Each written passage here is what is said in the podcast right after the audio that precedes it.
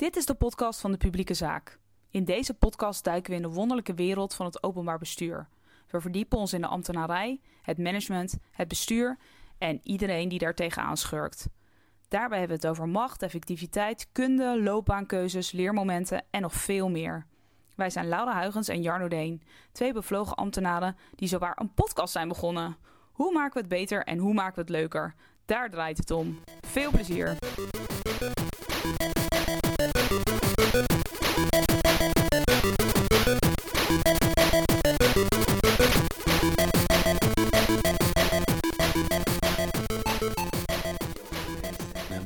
Nou, eh, welkom terug luisteraars. Het was even stil. Ik ben ook gestart met een nieuwe baan en Jarno is druk met de politiek. En ehm, nou ja, weet je wel, dan, dan, dan kan er zomaar maanden overheen gaan. Maar we zijn weer terug met publiek werk.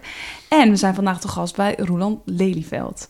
En Roland heeft een bijzonder verhaal, durf ik wel te stellen. Eh, in het dagelijks leven is hij ambtenaar bij de gemeente Den Haag en werkt hij als adviseur duurzaamheid. Maar, het klinkt een beetje als jambers. Ja, het klinkt een beetje jammer. Roland doet nog meer. Ehm, hij is oprichter van African Woodgrow, een stichting die zich inzet voor herbebossing in Afrika en meer specifiek in Kenia. En eh, wij hoorden dit verhaal en we dachten van, eh, dit klinkt echt super tof. Dus we zitten hier in Rolands tuinhuisje. We zijn al, eh, al eerder een keer in, in het tuinhuisje. Ja, dit is En, ons eh, tweede tuinhuisje. een, eh, podcast opgenomen. Dus eh, ja, in Den Haag, eh, bij Roland thuis.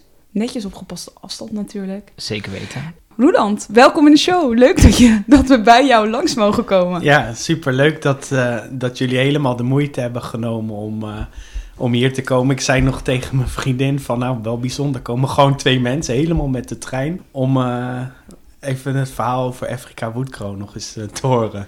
Ja. Dus, eh, ja, het was voor mij ook... Ik dacht, lekker makkelijke afspraak. Want ik werk, eh, ik werk nu in Den Haag. Dus dan zien we elkaar vast wel een keer. Maar ja, toen, eh, toen, toen werd het opeens een stuk lastiger. En eh, nou ja, goed. eh, het, is ook, het is een kleine moeite. En het is ook fijn om weer eens van huis te zijn, als ik heel eerlijk ben. Het voelt als een uitje. ja. Ja, voor mij ook. Nou, Ja. fijn. Hey, en we zijn ook een beetje in het hart van het nieuws eh, eh, in, in Den Haag. Want eh eh, gisteren de, de presentatie van het, van het nieuwe kabinet. Het coalitieakkoord hebben we natuurlijk allemaal drie keer gelezen. Er sla- ligt onder het kussen. Eh, wat, hoe kijk jij? Heb je iets gezien gisteren? Ik heb het wel teruggekeken en ik ben eh, voorzichtig eh, positief. Ja. Dus eh, ja, ik, kreeg, ik, ik, ik was wel een beetje positief verrast eigenlijk eh, door de ministers, nieuwe ministers. Ja. Dus Ja, ik moet zeggen, ik was ook wel. Ik, ik, ik vind er ook wel een soort positieve vibe bij hangen. Ik zou het geen nieuw elan durven te noemen. Maar ik heb ook zoiets van, ja, laat ze maar lekker aan de gang. En eh, eh, we moeten ook gewoon door. De vorige week had ik het erover. En toen zei ik, ja, nou, ze hebben nog vier jaar. Toen zei ze, nee, nee, ze hebben Nee, nog drie jaar. drie jaar. Het Dacht gaat ik, zo oh ja. snel nu. Jeetje joh. Dus Ja. dat, dat, nou ja. En- Nee, maar ik herken het wel. Ik, had, eh, ik denk dat het goed is dat er een aantal ministerposten bij zijn geko- ook al gekomen. Ook al zijn het ministers voor in plaats van ministers van. Maar het, het, het straalt wel uit of zo dat ze bepaalde onderwerpen serieus nemen. En dat ze er ook meters of versnelling op willen maken. Of in ieder geval ook regie op, op willen voeren. ja, en twee dat is wel, eh, natuurkundigen erin. ja, het is ook wel bijzonder. Ja, wat, eh, wat, wat meer vakinhoud. Hè? eh, Meer vakministers, ja. ja. Dus ik ben ook wel heel benieuwd. Ja, ik moet zeggen, toen ik het eh coalitieakkoord had gelezen... Want ik had volgens mij jou aan de telefoon, toen had ik het nog niet gelezen. En toen had ik, ging ik het 's middags lezen en toen was ik best wel positief. En toen ging ik de volgende dag ging ik de Volkskrant lezen. En eh, al die columns en zo, die waren allemaal echt... Die waren allemaal heel sceptisch. Dat ik dacht, oh...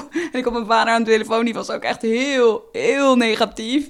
Dat ik dacht, oh... Maar ik ben gewoon begonnen met het stuk. En ik vond het stuk eigenlijk best wel... Ja. Best wel positief. Dus ik, her, ja, ik zeg wel wat je, ik herken wel wat je zegt. Ja, ik vind het een beetje jammer dat sommige nieuws eh, dan mensen uit elkaar drijven door bepaalde dingen heel erg te belichten. En, eh, en terwijl eigenlijk gemeenschappelijk belang is dat we met z'n allen gewoon eh, uit allerlei crisissen komen en gewoon eh, weer lekker positieve dingen gaan opbouwen en een ander soort manier van leven gaan hebben op in Nederland eh, die eh, een goed beeld op de toekomst heeft, zeg maar. Ja. Ja, we Anders, we zullen wel moeten veranderen. Ja, Ja, gewoon zeker. veranderen. En oké, we weten nou, we- moeten af van de fossiele industrie en we moeten dingen veranderen. En dat is niet makkelijk. En, eh, veranderingen zijn nooit makkelijk.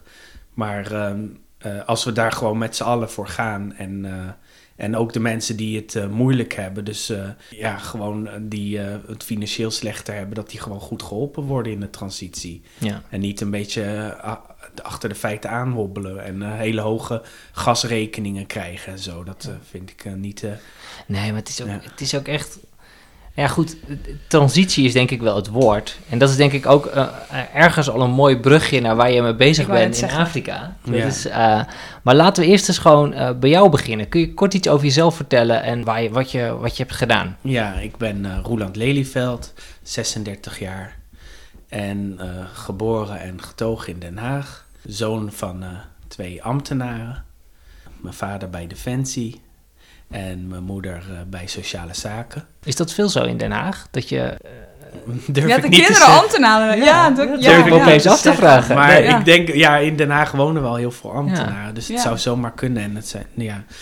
Maar dat is dus voor mij. Ja. Altijd in de stad opgegroeid. Maar wel met een hele grote liefde voor natuur, dieren. Altijd. Echt eh, van eh kinds af aan. eh, een soort, soort gek iets dat ik alles van diertjes af weet. En overal op de basisschool kwamen kinderen al naar me toe van... Oh, Roeland, ik heb dit diertje gevonden, wat is het? Of als ze door een brandnetel waren geprikt van... Oh, wat moet ik er dan opsmeren? En dan wist ik altijd wel iets. Ja. Dus eh, Oh, grappig. Dus die fascinatie zit er echt in. Ja, dat Ja. zit gewoon, ik weet niet, in DNA of zo. Het is niet, eh, ik weet niet hoe precies. Niet van huis uit per se meegekregen. Nee, Nee, het is Nee. gewoon aan jouw eigen interesse.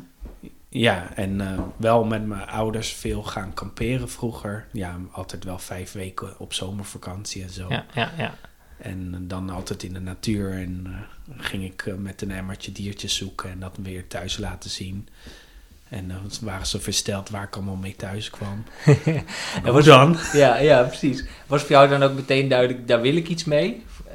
Nee, totaal niet. Nee. Ik ben, eh, mijn basisschool heb ik afgemaakt, logisch.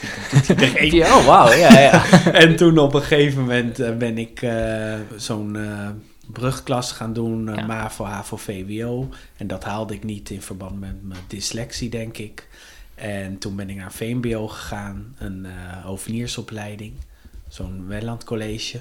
Ja. En daar ging het hartstikke goed.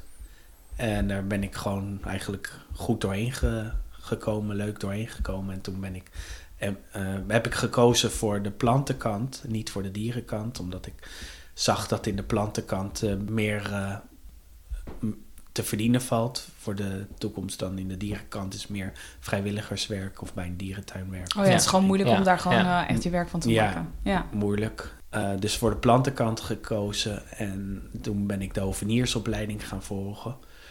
Eh, vier jaar, dus eh, VMBO niveau 4. Eh, theoretische leerweg. En afgerond. En in die tijd stage gelopen in Kenia. En zo, zo ben je daar uiteindelijk... En zo eh, ben ik bij een aannemer terechtgekomen. Ben ik daar gaan werken. Heb ik twee jaar bij een aannemer gewerkt. Meewerkend voorman. Leidinggevende opleiding in de avond gedaan. En op een gegeven moment moest ik wat. Omdat ik iets wilde. En toen ben ik eh, bij de gemeente Haag gaan solliciteren.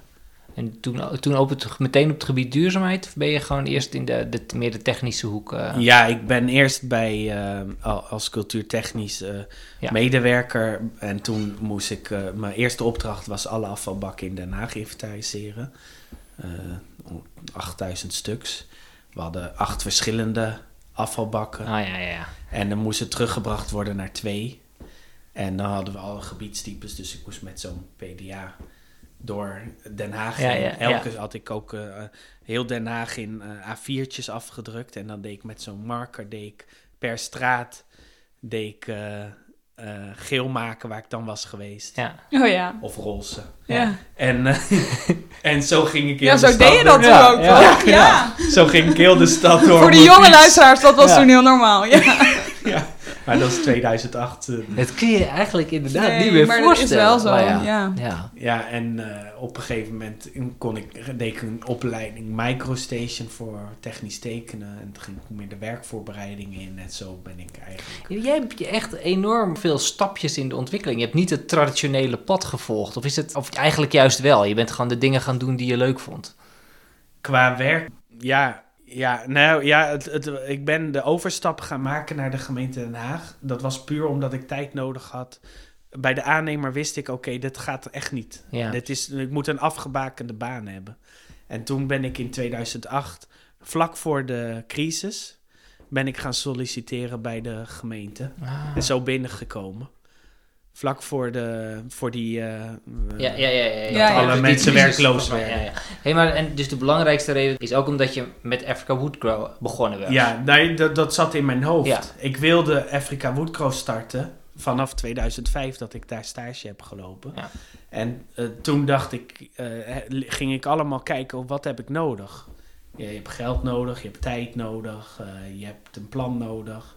Allerlei dingen. En Ja. ik wist met, bij de aannemer, ik begon om, om kwart over vijf eh, stond ik eh, zeg maar eh, naast mijn bed. Ja. En om kwart over zes was, eh, was ik eh, eh, bijna op het, eh, op het terrein om mijn materiaal bij elkaar Oh, te super pakken en de dagen. mensen. En dan om vier uur of om half acht was ik op de klus. Ja. Dat is standaard hè, voor Ja, bij ja, een ja, aannemer. ja, ja. Half acht op de klus met je bus en alle mensen en, eh, en materiaal. En dan eh, om vier uur ben je terug op het terrein. Dan zet je je bus, moet je alles schoonspuiten, materiaal opbergen. En om eh, eh, dan eh, half zes of zo ben je thuis. En dat is gewoon een normale werkdag. En dat Ja. vindt iedereen normaal en je zit in zo'n club. Ja. Eh, en als je niet op tijd bent, als je niet om kwart over zes bent, zeggen ze goedemiddag. Ja, Oh, ja. ja, ja, ja, ja. Terwijl, ja, dat werkt niet. Nee. Dat, dan ben je, ik was ook altijd helemaal op aan het eind van, of aan het eind van de werkdag. Ik douche en hup naar bed. Ja, nee, maar dat snap ik wel. Twee Ja. jaar lang. Dat, Ja. dat, dat werkt niet. Niet als je iets erbij wil. Eerlijk, ik Dat vind wel. dat werk fantastisch Ja, ja, om te doen. Alleen ik wil ook nog... Iets anders. Ja, iets je had dus ook nog een ander plan. En daar was eigenlijk geen Dat, dat is niet voor. te combineren. Ja. hey, vertel eens iets over die stage dan, want daar is het een beetje mee begonnen. Ja, dus eh, tijdens mijn schoolperiode heb ik in 2005 stage gelopen in Kenia. En waarom in Kenia? Was dat, of is dat gewoon toeval? Ja, dat hing zo aan het prikbord. Oh ja, oké. Oh ja, Zoals je dat toen ook nog had. in Kenia. Ja. toen dacht je, ja, waarom niet? Ja, met een klasgenoot. Oh, zullen we dat doen? Ja, ja, gaan we doen. avontuur. Dus met z'n tweeën daar naartoe gegaan en eh, drie maanden lang eh, stage gelopen via Exchange. Bestaat jammer genoeg niet meer. Ja, dat is eigenlijk blijven hangen. Dus En wat stuk, moest je doen voor je stage? stuk land in kaart eh, brengen en eh, marktonderzoek op vijf verschillende markten in eh Kitui County, een heel droog gebied in Kenia. En dat, is dat nog goed gegaan? Of, eh? Die stage ging goed. We hebben twee hele mooie rapporten gemaakt. eh, via SPSS, Oh ja. statistische Oh ja. berekening. Ja, ja, ja, dat weet ik nog, ja. ja. En, eh, en eh, ja, ik eh, heb heel veel gezien en eh, de, de- het land en het gebied heeft allemaal indruk op me gemaakt. En toen dacht ik, ja, hier moet je gewoon wat mee. Dus dat heeft me niet meer losgelaten. En Hoe oud was je toen? 19. Ah ja, dat is ook echt wel super vormende, super vormend dus ook in je hele, nou ja, in je Ja. hele, eigenlijk voor je hele loopbaan als je nu zo kijkt, als je Ja. nu 36 bent. Maar goed. Ja, ja. ja, zeker dat je dan beseft, hé, hier moet ik wat mee, hier wil ik wat mee. En je gaat dat ook toepassen in je leven, dan is het zeker Ja, leidend in je loopbaan. Want alle keuzes die je maakt, die eh, hebben daar weer gehad. mee te maken. Ja. ja. hey, maar Africa Woodgrow, dat ben jij niet alleen. Eh, dat ben je samen met iemand gestart. Hoe, hoe zijn jullie elkaar tegengekomen? Kun je daar iets over vertellen? Ja, eh, Daniel Moufali en ik zijn dat dan begonnen in, eh, in, eh, in 2010. Maar in 2005 tijdens die stage hadden we het er natuurlijk al over. En in 2009 eh, kreeg hij de kans om in Nederland te gaan studeren. Eh, in Wageningen heeft hij climate studies gedaan. En toen konden wij ook heel makkelijk het plan maken. Nou ja, En ik werkte al bij, toen al bij Ingenieursbureau Den Haag, want daar begon ik in 2008. Eh, dus je, er zitten ook een soort van dingen, denk, dat je denkt van, hé, het is wel heel toevallig ook een soort van geluk ja. dat dingen zo bij Ja. elkaar komen. Maar goed, en toen in 2009 konden we die, eh, een, eh, een plan maken. Ja. En in 2010 konden we dan eh, het plan uit gaan voeren. Hey, en als, als je dan naar nu kijkt, ben je, ben je op weg met je plan? Ja dat, plan is, dat plan van toen is al lang afgerond. Dat was zo snel afgerond. Wat was toen het plan? Het plan was gewoon een bos starten. Een bos uh, aanplanten. Ja, gewoon een, één bos. Ja, Met z'n tweeën zo. Eh, we hadden toen eh, een plan gemaakt, nou ongeveer zoveel hectare. En eh, gaan we bomen planten en dan gaan we een dingetje doen, een huisje bouwen. En, en dat gingen we in augustus 2010 gingen we dat doen. Eh, hebben we Afrika Woodgrow opgezet samen met een lokale advocaat en eh, een stuk land gekocht eh, met de Afrika Woodcrow. Werknemers aangenomen en eh, gewoon begonnen. Ja. Maar ja, gewoon beginnen. Ja. he- Heb je dat toen vanuit je eigen geld Ja, helemaal zelf. Allemaal privé. Ik woonde tot mijn 25ste thuis, expres. Omdat ik graag... Oh, omdat je dit plan had. Ja, ik wilde Afrika Woodcrow beginnen. Dus ik denk, ja, ik kan niet geld uitgeven. Het één ding wat je nodig hebt om eh, iets te doen is Oh, geld. Weet je, ik, ik was, dit is alweer een tijdje terug, maar toen had je een- zo'n programma op tv van allemaal van die FIRE-lui. Ken je dat? Ja. Van, eh, eh, Financially Independent Retire Early. En dus heb je van die, van die mensen die dus om, die dus, eh, sorry dat ik dit zo, maar die gaan dan inderdaad bijvoorbeeld tot hun 25ste thuis wonen en al dat geld opsparen. Dat gaan ze dan in crypto stoppen, omdat ze dan hopen dat ze op zijn 40ste kunnen stoppen met werken.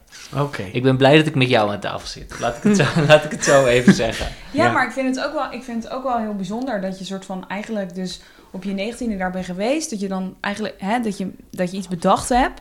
En dat je daar dan zoveel acties aan verbonden Ja. hebt. Want het is ook wel een leeftijd. Nou ja, het had ook gekund dat je weer terugkwam. En eh bij wijze van spreken een vriendinnetje krijgt. En een nieuwe hobby. En dat je daar dan, weet je ja, wel. heb ik ook allemaal eh, gehad. ja. ja, maar het was toch sterker om gewoon eh, Ja, leuk man. om eh, bos aan te planten. Ja. En, dat eh, was me- meer belangrijk dan... En je gelooft er dus ook echt in. ja. Want wat doe je als je een bos aanplant? Ik bedoel, wat, wat, wat voor... ehm, en Ehm, had je dat toen ook al op het netvlies, zeg maar? nee, dat het dat niet, wel, niet eh, zo. Ik wist gewoon, er moest vegetatie komen. Dat wist ik. Het was allemaal kaal en, Ja, en door, dat, zeg maar. Ja. dat, dat, dat, dat is geen, eh, dat is niet goed. Want het is een super droog was- gebied. Ja, heel droog. 300, t- tussen de 300 en 700 mm regen per jaar. Dat is, eh, als je het te vergelijkt met Nederland. We zitten in Nederland rond de 700 mm. Alleen wij hebben het verdeeld over het jaar, de regen. En daar valt het in twee regenseizoenen. En dan heb je El Nino en El Niña. En dan zie je zo'n soort golfbeweging die om de 5, 7 jaar een beetje fluctueert. Met iets meer of iets minder regen. Maar het is... Of het regent heel hard, of het is gewoon droog. ja. Dat ja, is er zit het niks gebied. tussenin. Het Het is aan enorm uit, extreem. zeg maar, het- Ja, Ja, Ja. Waar we in Nederland meer naartoe gaan. Hè? Eh, Maar De niet zo extreem als dat. Ja, ja, de verwachting, ja. Dat dat, eh, dat soort dingen opschuiven, maar gewoon dat het hier gewoon uit balans is helemaal. En Ja. daar ook trouwens, want daar kunnen mensen ook niet meer eh, ervan uitgaan wat er gebeurt. Nee. Maar het was een heel droog gebied. Daarmee ook een heel arm gebied. Ja, wat is arm? Ja, weet ik niet. Ja, Ehm, dat is misschien... Ja, ja goede ja, vraag. Ja, vind ik, Subjectief natuurlijk. ja, vind ik ook lastig, want de, al- als je daar gewoon leeft en je hebt Mensen kunnen zichzelf wel onderhouden. Er is geen het honger of je zo. hebt gewoon, nou, soms wel. Er, er zijn tijden dat er honger is geweest. Ehm, ja, dan kan je zeggen dat is arm, ja. Ja, oké. maar dat Ja. maakt ook niet uit. Ik bedoel, ja. Ja. Oké, en, Maar en ja, het is niet dat iedereen een flatscreen heeft aan, het hele, aan de muur en zo. Dat soort dingen niet. Maar goed. Nee. Nee, maar ja, dat is natuurlijk sowieso relatief. misschien of je daar nou echt gelukkig van wordt. spelen. Ja, het is Ja. misschien een Ja, ander, ja, ja, ja. het andere rijkdom, zeg maar. Ja. Nee, oké. maar je had wel een drive om daar eh bossen te gaan planten, zeg maar. Of bomen te gaan planten. Dus je had wel het gevoel dat er iets moest gebeuren. ja, Want is het ook, is het ook zo'n gebied, zeg maar, zoals je natuurlijk heel veel in Afrika hebt en heel veel landen, ook buiten Europa, maar in Europa is het ook gebeurd, waar, waar we een soort van hè, ook de westerse landbouw hebben toegepast en eh, waar, waar het niet zo goed heeft uitgepakt en waar een soort van erosie en ja, alleen maar je. in de hand is gewerkt. En zie je heel erg terug. Ja? Nog steeds. Er is eigenlijk nog steeds eh, is dat gaande met, eh, met allerlei eh eh, landbouw, eh, teeltechnieken die overgebracht worden, puur en alleen om voor commerciële doeleinden. Dus eh, voor eh, chemische eh, kunstmest, of hoe noem je dat, kunstmest en, en pesticiden en zaden, GMO-zaden en...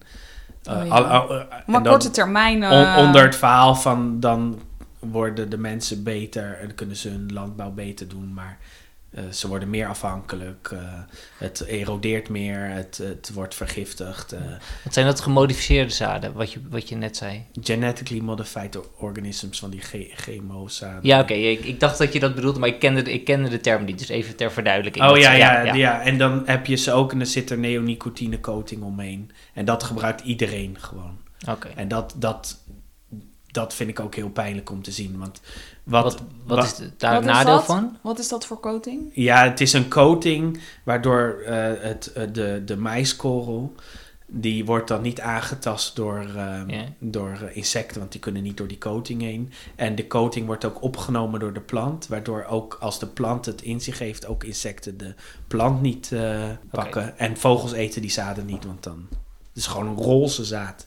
Fluoriserend roze. En Ja, dat want- gebruikt iedereen. Dat, dat verko- bij elke agrovet, in elk dorpje, verkopen ze zakken met roze zaad. En, en los van dat het er heel raar uitziet, eh, eh, is, dat ook, is het ook slecht op termijn? Of? Heel slecht. Ja, dit zijn gewoon kinderen die, die zaaien dat met hun ouders zoals ze dat vroeger ook deden. Alleen nu, dus met hun blote handen krijgen ze dat roze spul allemaal op en uit. Dat, eh, dat trekt door je huid. Ja, oké. Zei van een schadelijk goedje. Waarvan, we- weten ze wat het doet? Of, eh, nee, niemand. Nee. Nee, nee, nee. want er wordt is ook niet in voorlichting wordt er niet Nee. gedaan. Nee, oké. Eh, er wordt alleen maar, je kan dit gebruiken en eh, eh, pesticiden, dus eh, er wordt monocultuur aangeplant. Er worden, gaan ook weer kinderen met die spuitdingetjes op hun rug, gaan ze gewoon zonder enige beschermingsmiddelen, gaan ze lekker zo spuiten. En, ja. Ze en- putten het land echt uit. Het is, ge- en het is niet op de En ja, goede manier. ja, maar, en dat ligt niet aan hun. Ze weten niet beter. Dit is wat ze, wat, wat ze aangeboden Wat krijgen. aangeboden wordt Ja. vanuit de industrie. Ja, geen leuk onderwerp. Nee, Ehm, nee. Maar dus jullie idee was ook van, ja, weet je, wij willen hier gewoon echt een verandering teweeg brengen. We willen het op, we willen het, het kan anders. Ja. Ja, sowieso willen we permanente vegetatie terugbrengen in het gebied. Het is een savannegebied, dat houdt in dat je, of savannebos, eh, dus afgewisseld bos en savanne, dat kenmerkt zich door graslanden met eh, van oorsprong eh, grazers, wilde dieren. En laag bos, 15 meter hoge bomen, acacia's, Melia fulcensi, eh, eh, dus verschillende soorten bladverliezende bomen en eh, groenblijvende bomen door elkaar. Ja, dat willen we eigenlijk herstellen. Zo ver mogelijk als het kan. Ja, dat, dat proberen we. Ja, met, met alle behoeften van de lokale mensen. Want die willen natuurlijk ook leven en Ja. hun geld verdienen en economische groei doormaken. Want is het nou, is dit nou, is dit iets waar, waarvan je zeg maar een, een handboek zou hebben en dat het dan ook zo werkt? Of heb je het allemaal zelf uit moeten vinden? Voor mij persoonlijk eh, heb ik, ik ben dyslectisch, ik heb het niet in een boek gelezen. Of ehm, ja, ik vind, doe het gewoon zelf uitvinden. Ja, en wat is de, wat is de wisselwerking tussen jou en Daniel, zeg maar? Eh, want hij is daar eh, ja, eigenlijk altijd en jij bent hier. Hoe, hoe doen jullie dat? We praten bijna dagelijks. Ja, we hebben het samen gedaan en hij stuurt de mensen aan en zorgt dat het voor elkaar komt en doet de betalingen en zo. En ik eh, zorg dat. eh, en we hebben samen bepalen we de, de, de, de koers waar we uitgaan. En ik zorg dat er genoeg financiële middelen zijn. En dan eh, doen we dat. Ja, en wat is jullie... ja, het einddoel klinkt een beetje flauw, maar het gaat volgens mij hartstikke goed. Ik heb ook zo'n filmpje eh, gezien en ook wel eens gedeeld van... dat je kunt zien dat je in tien jaar een gebied enorm groener hebt gemaakt. Ja, het is heel leuk om even te kijken ook op de website. Ja, die gaan we ook in de show notes zetten. We gaan nu ook heel veel dingen in de show notes zetten.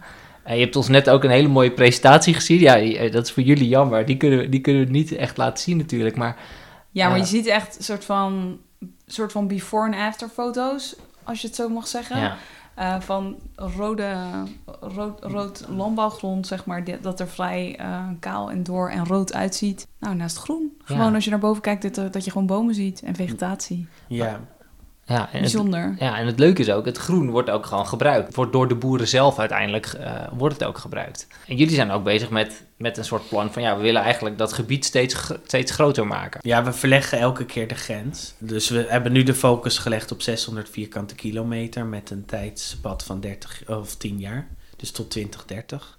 Ik versprak me even. Ja, dat, dat, dat is nu zeg maar de volgende stap. En dan eh, kijken of we dat... eh, we hebben dan eh, eh, doelstellingen per jaar wat we dan moeten halen. Dus dit 2022, nu moeten we 62 boeren toevoegen. Dat betekent ongeveer 45.000 euro ophalen via de stichting. We hebben een hele planning gemaakt voor die komende 10 jaar om die eh, 600 vierkante kilometer te behalen. En wat we doen is eh, allerlei lokale landeigenaren, er zijn boerengezinnen in het gebied. Dus ehm, toegang geven tot eh, geld om eh, bomen te kunnen planten. En eh, daardoor eigenlijk een, eh, dat, heel, dat gebied ook. eh, je ziet als de boeren bezig zijn met bomen planten, dat het gebied eromheen rust krijgt en beter kan herstellen. En eh, doordat ze bomen planten en uiteindelijk dat die bomen gaan groeien, dat er een bosbouweconomie ontstaat. Er is al een soort van economietje ontstaan, omdat iedereen daarmee bezig is. En ook jonge mensen groeien ermee op en die, die weten niet eigenlijk beter van, nou, we moeten bomen planten en we. En dat is wat we doen en dat doen we elk jaar. Twee keer per jaar doen we dat. En we doen ze snoeien en we doen ze vertroetelen, Ja. zeg maar. Ja, Dat hoort allemaal bij. Dat is op wie we zijn. ja, En, ehm, maar met, die, met dat proces hopen we dus zo'n gebied ook, ook eh, qua natuurwaarde dat, dat er stukken kunnen herstellen. Omdat de focus ergens anders ligt. De focus ligt niet op het kappen van bomen om houtskool van te maken, om geld binnen te halen vanuit de stad. ja. Want dat wordt dan verkocht en gaat naar de grote stad. En nu komt er geld binnen via een andere route. Dat is het eh, bomenplantroute. En eh, daarmee kunnen de eh, kinderen naar school. eh, kunnen medicijnen worden gekocht. Allerlei dingen die lokaal er niet zijn. Niet, waar, waar je lokaal voor moet betalen, maar waar je wel geld voor moet Ja. hebben. Ja. Dat Ja, je gaat nu dus via ook die echt bomen. economie in, of ook geld in dat economietje. Of eigenlijk in een economie waar misschien ook weinig geld was. Ja, want de economie, die, de, de, zo- zo'n economie waar we bezig zijn, die krijgt alleen maar geld eh, door bijvoorbeeld de leraren, die betaald worden door de overheid van de basisscholen en de secondary of de, hoe noem je dat, voortgezet Ja. scholen. En de overheidsofficials, maar er zijn er maar heel weinig, dus ze denk aan subchiefs. En die krijgen ook niet een heel geweldig salaris. Een soort burgemeester of zo. Ja, een onderburgemeester. Waar het om gaat is, er komt heel weinig extern geld zo'n gebied in. En mensen die leven zelfvoorzienend.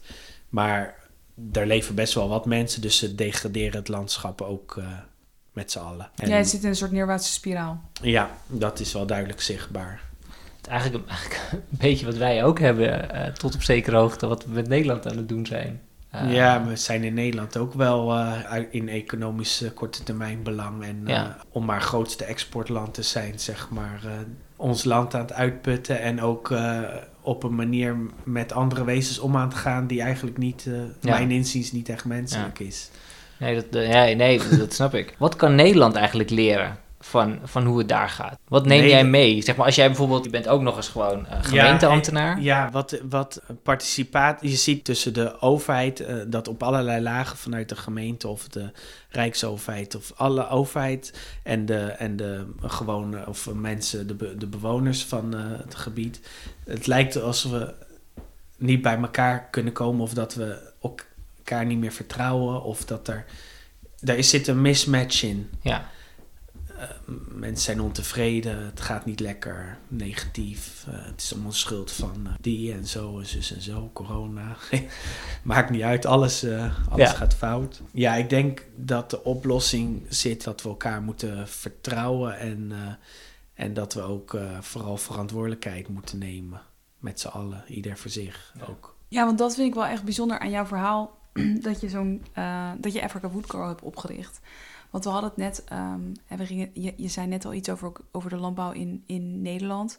En je zit natuurlijk, je hebt op, tot op zekere hoogte te maken met een soort padafhankelijkheid. Weet je wel, je bent, al, je bent een soort van kind van de omstandigheden. En de mensen die je aan het helpen bent in, in Kenia ook. Ehm, je schetste net een, eh, nou ja, weet je hoe, hoe dingen gewoon zo gekomen zijn en dat hè, die roze zaden en dingen zijn, gaan op een bepaalde manier. En om dat te doorbreken, dat is wel, eh, ik denk dat heel veel mensen dat heel moeilijk vinden. Om, dat er, om daar doorheen te kijken. Dat heb je dus blijkbaar wel gedaan in Kenia. En wat je bent nu aan, je bent daar dingen aan het, eh, aan het doen en aan het veranderen. ja. Samen met de mensen daar. Ja, ja klopt. Ja, je ziet ook dat het eh, wel echt verandert. Niet, niet zo snel als dat je graag zou willen, maar je ziet wel en steeds durf je iets meer impact of iets meer te doen.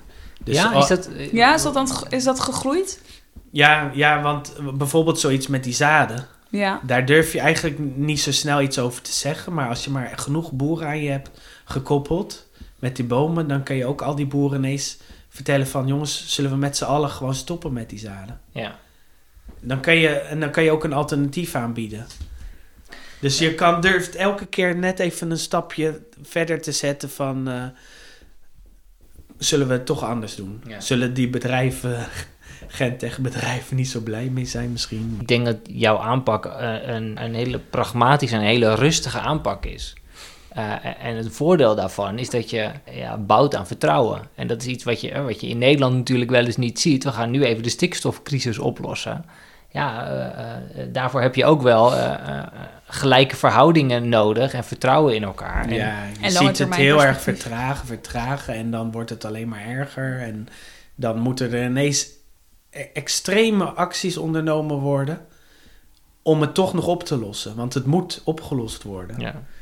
Ja, Wat, is, wat is het grootste verschil voor jou werken daar en werken hier? ik weet niet precies of ik het goed begrijp. Dan, ik stel, Ik, met mijn hoofd ben ik eigenlijk bijna altijd ben ik gewoon ook daar en hier. ja. Je Ik doet het gewoon tegelijkertijd. Het is niet dat als je Ik daar hoef daar bent niet dat je... fysiek te zijn om daar iets te doen. Nee, Nee. oké, maar zo bedoel ik. Ik bedoel het meer van eh, qua cultuur of omgang. Eh, je hebt een Nederlandse manier van werken, je hebt misschien een manier van werken daar. Ben je daar ook een ander persoon? Moet je daar een ander persoon zijn? Of, of is dat eigenlijk ook niet zo? Nee, ik ben wel als persoon veranderd in de jaren. Dat weet, weet ik zeker. Iedereen verandert natuurlijk, je ontwikkelt.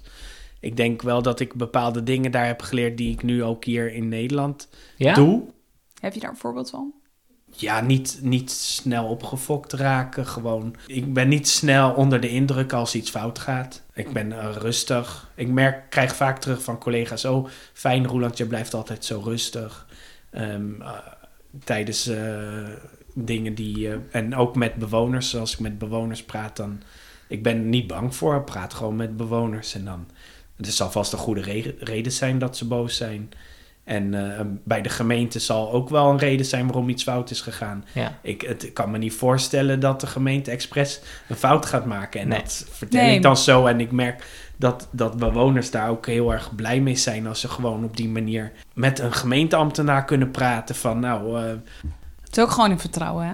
ja, Wat je net zegt. Ja. ja, Ja. ja. En, en dan kijken van waar kan je dan eh, met, ja, bewoners af en toe wel ingewikkeld ook met verschillende clubjes. Ja. die dan tegenstrijdige belangen hebben. En dan, ja, meestal gaat het wel goed. Oh, is Maar wel- is dat ook echt iets dat je inderdaad voor je gevoel ook voor deel hebt geleerd door ook zeg maar al je werk voor, voor, de, voor Africa Wood Grow, dat je, dat je inderdaad, nou ja, Ik weet het, van durf het niet met zekerheid te Nee, dat zeggen. weet je maar misschien ook niet, omdat je het al zo lang doet. Ja, mijn gevoel zegt dat het, wel, eh, dat het er wel mee te maken heeft. Ja, maar je hebt ook, wat je zei, ja, we, hebben, we zijn begonnen met een plan, maar dat plan is eigenlijk al heel snel klaar. Je bent eigenlijk steeds opnieuw het plan. Maar ja, niks gaat volgens plan, volgens mij, helemaal. Natuurlijk- Ja, de golven, het Ja. golvenplan gaat wel. eh, dus eh, als je zegt we willen 600 vierkante kilometer bebossen. Kijk, het wordt niet allemaal bos natuurlijk. Dat is ook, zou ook niet goed zijn. Er moeten gewoon graslanden in komen. En daar moeten rivieren doorheen stromen. En er moeten eh, dorpjes in zijn en zo. Ja. Dus je hebt een bepaald... Ja, je, je zegt we gaan dit, maar dat bedoelen we mee dat, dat je gewoon zo'n gebied herstelt. En dat Ja. je de sponswerking herstelt. En dat je zorgt dat permanente vegetatie eh, komt. En daar heb je bepaalde wegen die, die tegelijkertijd lopen of net in een ander tijdsvlak gaan lopen. En, o- eh, of waar je aan denkt, wat, wat, dan, wat dan ineens kan gaan beginnen. Zo willen we ook lokaal een klein museum eh, maken waar, de tijds, waar, de tijd, waar het tijdpad van het gebied in wordt uitgelegd, zodat ook de lokale mensen kunnen zien van, van oké, daar komen we vandaan. Dit is er gebeurd. Eh, hier willen we naartoe. Dan kunnen we dit bereiken, zodat dat onder heel veel bewoners eh, eh, toegankelijk inzicht, inzichtelijk wordt. En ja, zo'n plan dat ligt gewoon er- ja, ergens in een kastje, wat nog Ja, ja. zeg maar eh, ergens op de plank. En als er dan ineens iemand komt van heb je een plan en, eh, en, en die vinden dat leuk, dan eh, kunnen we zoiets gaan doen en dan kunnen we dat doen. Ja. En dan draagt dat ook weer bij aan, eh, aan eh, herbebossing door juist op een andere manier eh, eh, lokale bewoners mee te nemen door, door het verleden en dan de toekomst om ze en dan ook weer zo hun, hun manier van landgebruik zeg maar weer net even ehm, aan te passen. Ik denk dat we daar in Nederland ook wel dat soort dingen mee kunnen. Dat je gewoon een landschapsbureau uh, een toekomstvisie uh, laat maken. En dat je dat in, uh, in, in, gemeentehallen of zo gaat neerzetten. En dat bewoners daar geïnspireerd door raken. En zo, oké, okay, dus daar ligt mijn rol. Ja. En dat het heel tastbaar wordt voor, voor een bewoner. Van, ja. ah, kijk, dat kan ik doen in de schakel om tot, tot dat toekomstbeeld te komen. Ja. Ja. ja. maar dat is ook wel bieden van handelingsperspectief of zo. Weet je, dat je grote abstracte dingen of dingen die misschien groot en moeilijk lijken, gewoon terugvertalen naar wat kan jij doen? Wat is dat stapje dat jij kan doen? Ja, en nou ook heel duidelijk terugpakken naar het verleden van hoe zijn we hier gekomen en waarom. Ja. Want alles heeft een reden. Ja. Uh, op dat moment in het verleden waren we, waren we ervan overtuigd dat we natuurlijk na de Tweede Wereldoorlog. We moesten heel veel voedsel produceren. We moesten ja.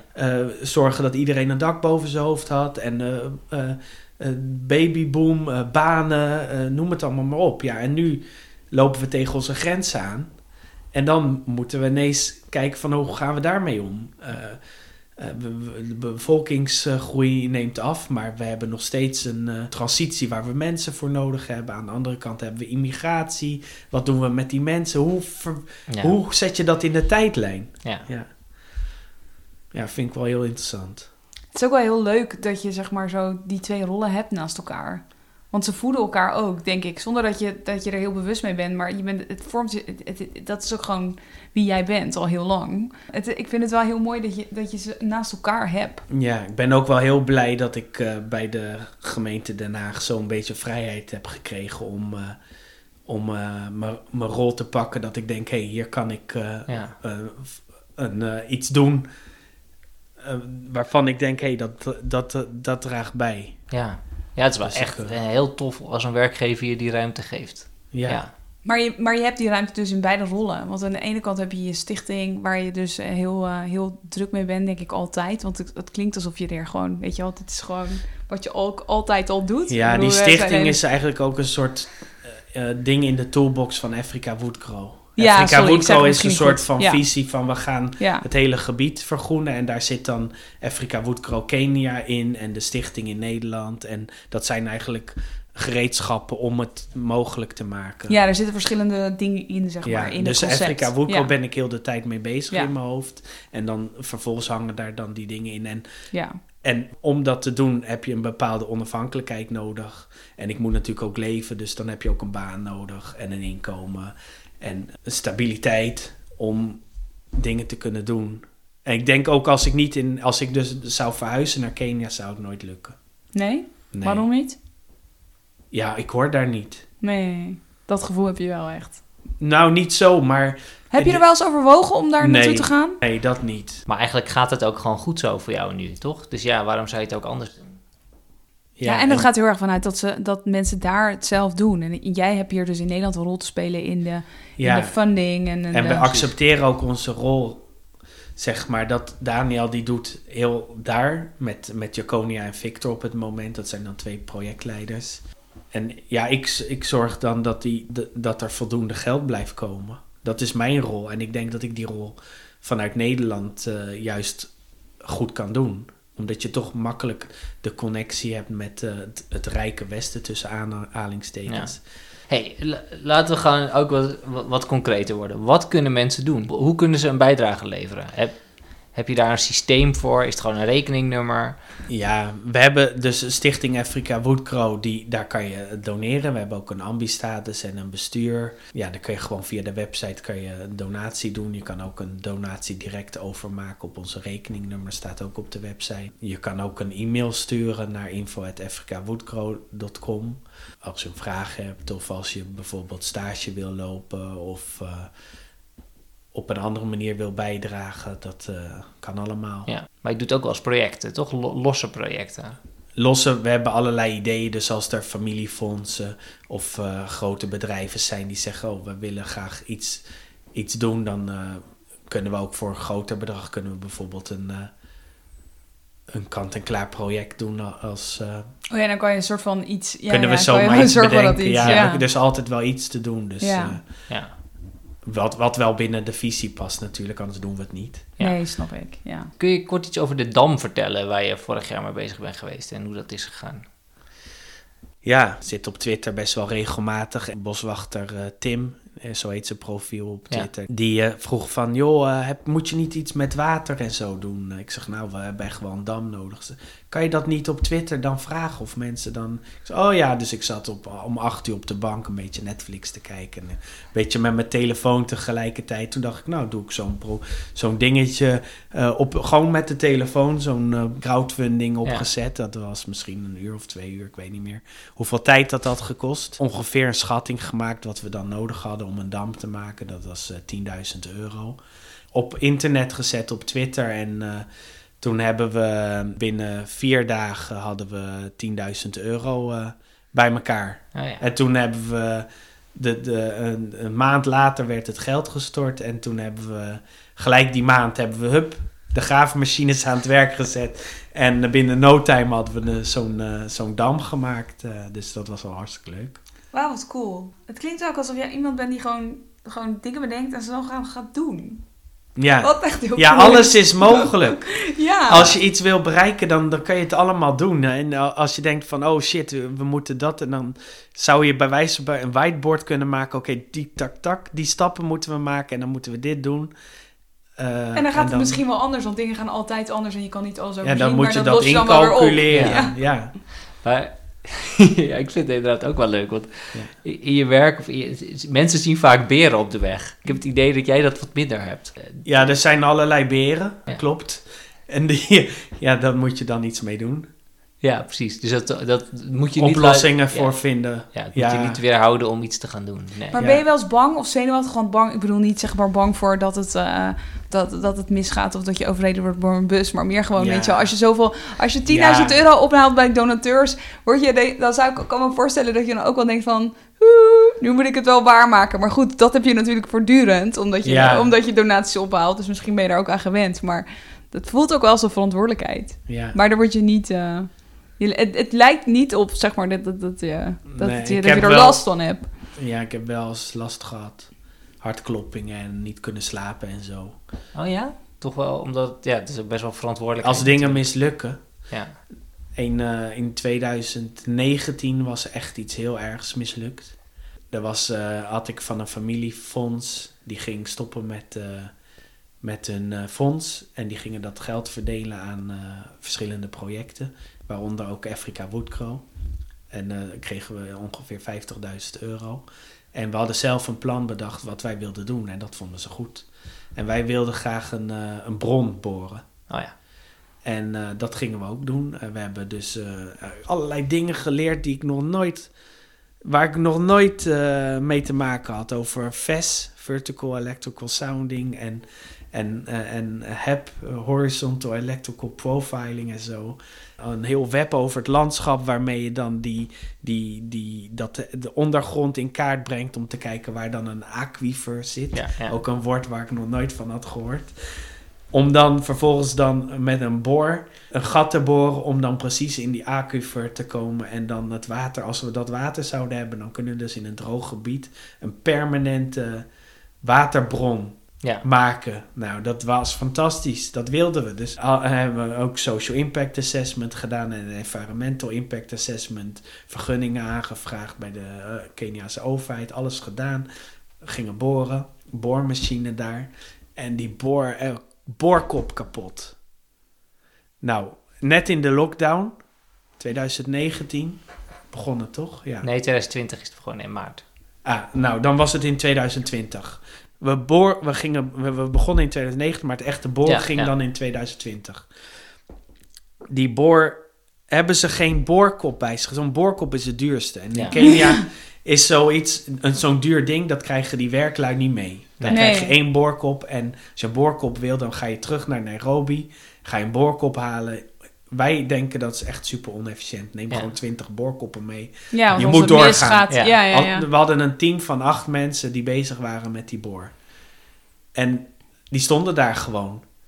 Plus eh, die, die boor, eh, het boorkop kapot. Dus nou, eh, en we bleven maar boren. En we hadden op een gegeven moment, we hadden dus 100, 150 meter diep. Telkens en brandstof op. Meer, iedereen stond stil. Geen brandstof. Dat hele proces, dat was Ja. verschrikkelijk. En op een gegeven moment 234 meter diep. 234 meter diep, dat is toch ongelooflijk? Ja. Geen water. Dus ja, we, we moeten nog verder boren. Ja, het geld was, ging op. Ik Ja. zag gewoon die... Ja. We waren aan het boren, maar je zag gewoon het geld echt, echt verdampen. En ik Ja. moest privé inleggen en zo. En, eh, Ja, om te je was, dus was je erbij? Was je Nee, daar? Of ik was je was hier? hier. Nee, nee, Oh. oké. Ja, ja. Maar dan krijg je al die updates en dan... eh, elke dag. ja. Ik ben daar gewoon. Ja, ja, ja. Dus die projectleider, dat is heel goed. Elke projectleider heeft de nieuwste smartphone die je kan hebben. Die heeft een abonnement, een eh, internetabonnement. En die doet continu updates Ja. geven van wat er gebeurt. Dat is echt het belangrijk, vind ik heel belangrijk. Ja, jij, bent, jij bent eigenlijk al jaren hybride aan het werken. Ja, en eh, videobellen gaat allemaal. Dus je bent er gewoon. ja. En ook alle, alle details krijg je mee. Dus dat die communicatie is goed. Dan op 234 meter gewoon het besef hebben: het gaat niet lukken. Het geld is op. We moeten de stekker eruit trekken. We moeten gewoon kappen hiermee. Dit Ja. is niks. Ja. Oh, dat is wel heftig. Ja, dat vond ik echt heftig. En dan die financier bellen van: ja, sorry, maar dit en dit. En maar gelukkig heb ik hem al die tijd. Dus dezelfde updates gegeven van het Oh, proces. Ja, ja. Dus die heeft ook meegekeken. Maar die vraagt aan mij: ja, waarom niet? Dus die stelt wel Ja. terechte vragen van, eh, ja. van eh, waarom lukt dat niet en zo. Dus dat was wel heftig. En dat was gewoon mislukt. Ja, zeg maar, het is ja. nog steeds mislukt. Ja. Ja. Dus we hebben nu, dat is ook de reden, nu hebben we daar dan in Dam en we hebben water en dat is gelukt. We hebben echt voldoende, we hebben denk ik, eh, ik, wat is het, 10, 10 miljoen kuub? Ik weet niet. Heel veel, water, ja. heel veel water hebben we. Dat, dat, blij, dat hebben we tot, tot, we verwachten tot april. Hebben we dat water. Is voldoende water tot En april. wanneer gaat het regenen? Weer? April, April. Oké. Ja. Oh, Oh ja, dan dus zit het je is gewoon die echt zin, goed. ja, ja. Oh, wauw. ja. Oh, maar dat is dan heel fijn. En dat is natuurlijk weer een opsteker. Maar ik kan me ook wel voorstellen dat als het dan misgaat... Het is, dat is niet leuk, maar het is natuurlijk ook super leerzaam.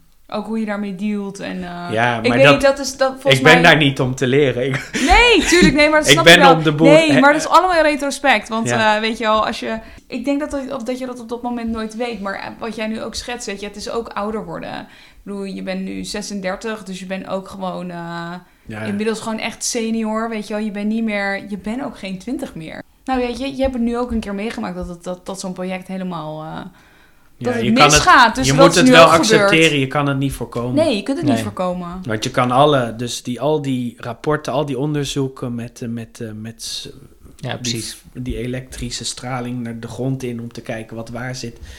Maar ja, toch kan het gewoon. eh, en je, je kan wel heel de grond gatenkaas maken, maar Ja, dat is ook de bedoeling niet. dat slaat ook nergens Nee, op. Dus, nee. eh, Oké, ehm, maar zo'n waterbron, je hebt nu een dam, eh, omdat die boring dus mislukt was. Ehm, je, bent dus, je bent dus echt een, een soort een ecosysteem aan het bouwen rondom die bomen. Of niet? ja, dat proberen we te herstellen. Dat is die, zo'n ecosysteem is heel complex en heel fragiel ook.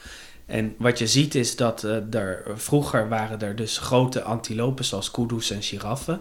En die eten bepaalde vruchten van, van bomen. En die bomen kunnen zich daarmee voortplanten. Dus die vruchten die, en die zaden moeten door het vert- verteringssysteem van die grote antilopes. En dan Ja, kunnen ze, dan kunnen ze zo, kunnen er nieuwe bomen komen. Alleen omdat alleen al die soorten er niet meer zijn door de bevolkingsdichtheid. En iedereen, ja, je kan niet eh, een, een, een stukje land met mais verbouwen met een giraf erin. Nee, dat werkt nee, niet. nee. Maar dan automatisch komen er ook geen, die, dat type bomen komen er niet meer. Dus je krijgt een hele verarming van het landschap, alleen daar al. Ja. Maar dat, dat, dat zegt dus ook iets over hoe moeilijk het is om zo'n ecosysteem echt te herstellen. Zodat, Ja. het ook, hè, zodat je die kringlopen en, die, en ook maar de gelaagdheid in voedselketens en hoe die dingen met elkaar samenhangen, om dat weer terug te brengen. Ja, daar ze- we zetten ons ervoor in om dat zo goed mogelijk te herstellen met de lokale bevolking. Ja, en die, die hebben natuurlijk hun eigen belangen en, eh, en daar moet je dan eh, in laveren om te kijken van hoe stuur je die belangen om toch tot dat herstel van het gebied eh, te kunnen komen. En ook eh, hoe maak je dat herstel van het gebied ook het belang van de lokale bewoners. Dat Ja. ze zien van hé, als het herstelt, dan kan ik ook misschien iets betekenen in ecotourisme. Ja, Misschien ja. zijn er wel jonge mensen die daar graag iets in willen betekenen. Ja. Dan, dan, en dan maak je het interessant. Ja, er moet ook iets voor hun te halen zijn. Er moet niet alleen maar, zeg maar een bos en een hek komen en niemand mag er weer aankomen. Ja, Het moet echt een levend gebied worden. Dat is uiteindelijk jullie, eh, jullie doel. Ja, ja en wat je veel ziet is dat het eh, eh, van die systemen met herbebossing, dat het dat er meegedaan wordt en dat het, het moet aan allerlei hokjes voldoen. En dat is hokjes afvinken en dan OOS gecertificeerd vink zal goed zijn. Maar dit is ook de verantwoordelijkheid van grote bedrijven of eh, dat ze ook goed kijken naar, oké, waar komt het uiteindelijk terecht? En dat ze dat, dat ze niet alleen de hokjes afvinken van, nou, als we dat allemaal hebben ge- gecheckt, dan eh, is het goed. Ja. Maar kijk gewoon, eh, tegenwoordig met, de wereld is zo klein geworden, dus je kan eigenlijk overal achterkomen. Je kan bij wijze van spreken gewoon iemand er naartoe sturen of even op Google Earth kijken, eh, verifiëren van wat gebeurt er nou precies. Spreek met de echte initiatiefnemers, de mensen die het echt het werk uitvoeren. Ga daar op onderzoek uit en doe niet simpelweg, oké, we moeten een, eh, het is gecertificeerd, dus het zal wel goed zijn. Als je ergens geld aan geeft, kijk goed, waar doe je het aan? Ja. Ja. Het is tijd voor onze slotvraag. Onze laatste vraag is altijd: wat denk je dat de grootste uitdaging is voor het openbaar bestuur? Eh, ja, dus ik, dat denk ik dat het echt eh, meer vertrouwen hebben in elkaar en ook niet bang zijn. Dus eh, angst voor eh, het maken van fouten. Eh, gewoon open over, ook als je iets fout doet, open over communice- communiceren en ook gewoon zeggen: Sorry, van dit hebben we fout gedaan, maar we willen het op een andere manier doen. En eh, eh, we hebben het zo en zo aangevlogen en het was toch niet de goede weg. Nee. Maar we gaan het beter doen. Misschien is het heel naïef wat ik zeg, maar Nee, ik ja. wil gewoon dat, dat... Het mag ook best wel, denk ik, dat de ambtenaren ook wel dingen fout doen. Nou, zeker weten. Als ze maar eh, ja, gewoon eh, wel overwogen in, in, in, voor het algemeen belang en voor, voor de bewoners het juiste voor ogen hebben om het beter te maken voor de mensen die er eh, in de stad wonen. Ja. Ja. ja, durf dan ook te falen. Heel mooi. Mooi. Dankjewel, Roeland. Echt, ik vond het een... eh, Ah, ik vond het leuk. Je hebt zo'n leuk verhaal, dus dankjewel. Ja, echt dankjewel. Ja, en, ik eh, vond het eh, leuk. En jullie voor het eerst in mijn nieuwe kantoor. En we gaan de show notes spammen met, met wat, wat leuke informatie. Dit was de podcast Publiekwerk. De muziek was van Bart de Jong. Vond je dit nou leuk? Laat vooral een recensie achter via je podcast-app. Heb je nog vragen of wil je in contact komen? Je kunt ons bereiken via Twitter, publiekwerk of jarnod1. Of je kunt ons e-mailen op publiekwerkdepodcast.gmail.com. Tot de volgende keer. En oh ja, op het eind, deze knip ik er misschien uit, maar ik wil wel even een, een, een shout-out doen naar eigenlijk de man waarom we hier zitten. Want ik ken jou via Twitter, via Hans Jevoer.